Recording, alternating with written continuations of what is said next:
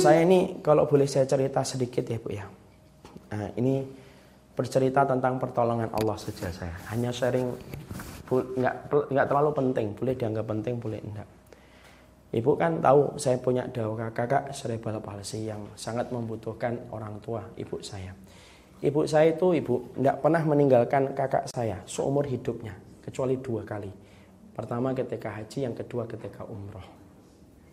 Kalau ibu saya pergi sebentar saja ke warung gitu ya, maka hanya 10 menit itu ibarat kata bisa 15 kali dia bertanya, ibu di ibu mana, ibu mana.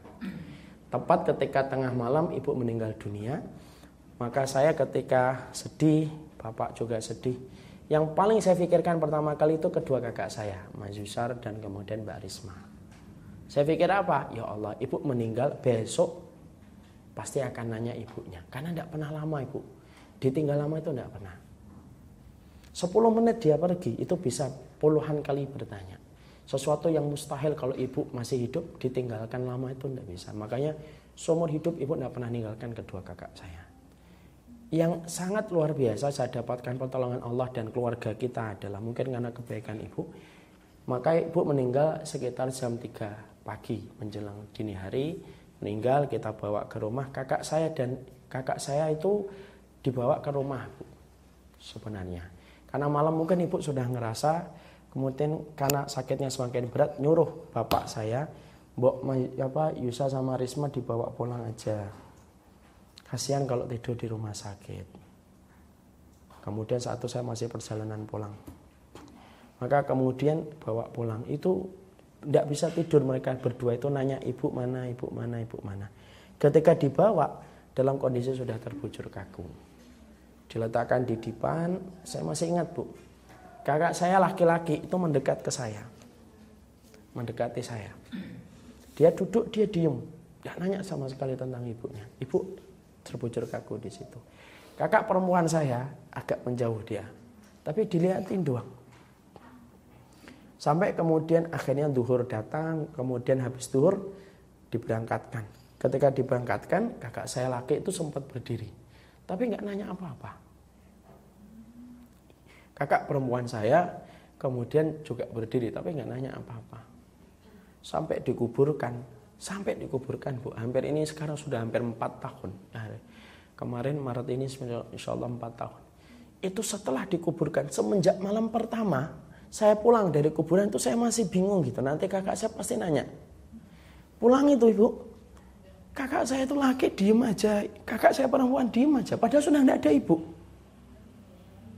Tidak ada ibu. Sampai sekarang empat tahun berlalu nggak pernah nanya. Saya tuh artinya apa ya? Kalau ibu nanti kadang-kadang mikir berat gitu, kalau ditinggal nanti ninggalin anak itu gimana? Saya cuma pengen cerita dari faedah kisah ini itu cuma simpel dan ringkes. Kalau ibu nanti terbebani tiba-tiba ada yang didiagnosa sakit berat, anaknya masih kecil gitu. Allah yang nanti nyapin anak kita, Bu. Kadang-kadang kan saya nggak ngerti ya ibu apa ada yang sakit atau enggak. Kadang-kadang kan saya yang jenguk gitu ya. Ibu-ibu yang sakit kayak kemarin ada ibu yang meninggal dunia. Ketika saya jenguk itu nangis yang difikirkan itu selalu anak. Anak saya gimana ya Ustaz ya gitu. Dan akhirnya ibu itu meninggal dunia. Saya cerita kisah tadi supaya kita itu paham gitu. Allah itu mempersiapkan ibu. Ibu bayangkan empat tahun sampai sampai hari ini. Kedua kakak saya itu tidak pernah nanya ibu. Kayak Allah itu ngomong kepada hati mereka, sudah ya ibu sudah meninggal gitu. Ibu sudah melakukan kewajibannya gitu. Kamu tidak usah nanya-nanya lagi. Itu tidak pernah nanya ibu. Tidak pernah nanya, sampai hari ini tidak pernah nanya.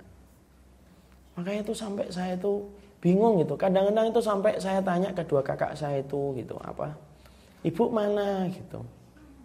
Ya, cuma diem aja ibu enggal ibu enggal tuh ibu uh, pergi ninggalin gitu ibu nih apa pergi lagi pergi itu sudah nggak nggak nanya sama sekali padahal demi Allah bu dulu ketika ibu tuh pergi itu jalan ke pasar aja kita di mobil di pasar itu masih di mobil itu nanya bisa puluhan kali itu kakak saya perempuan kalau sampai satu jam nggak ketemu ibu tantrum dia. Tahu tantrum kan? Uh, langsung nuang sih. Histeris itu tantrum. Terus sampai sekarang nggak pernah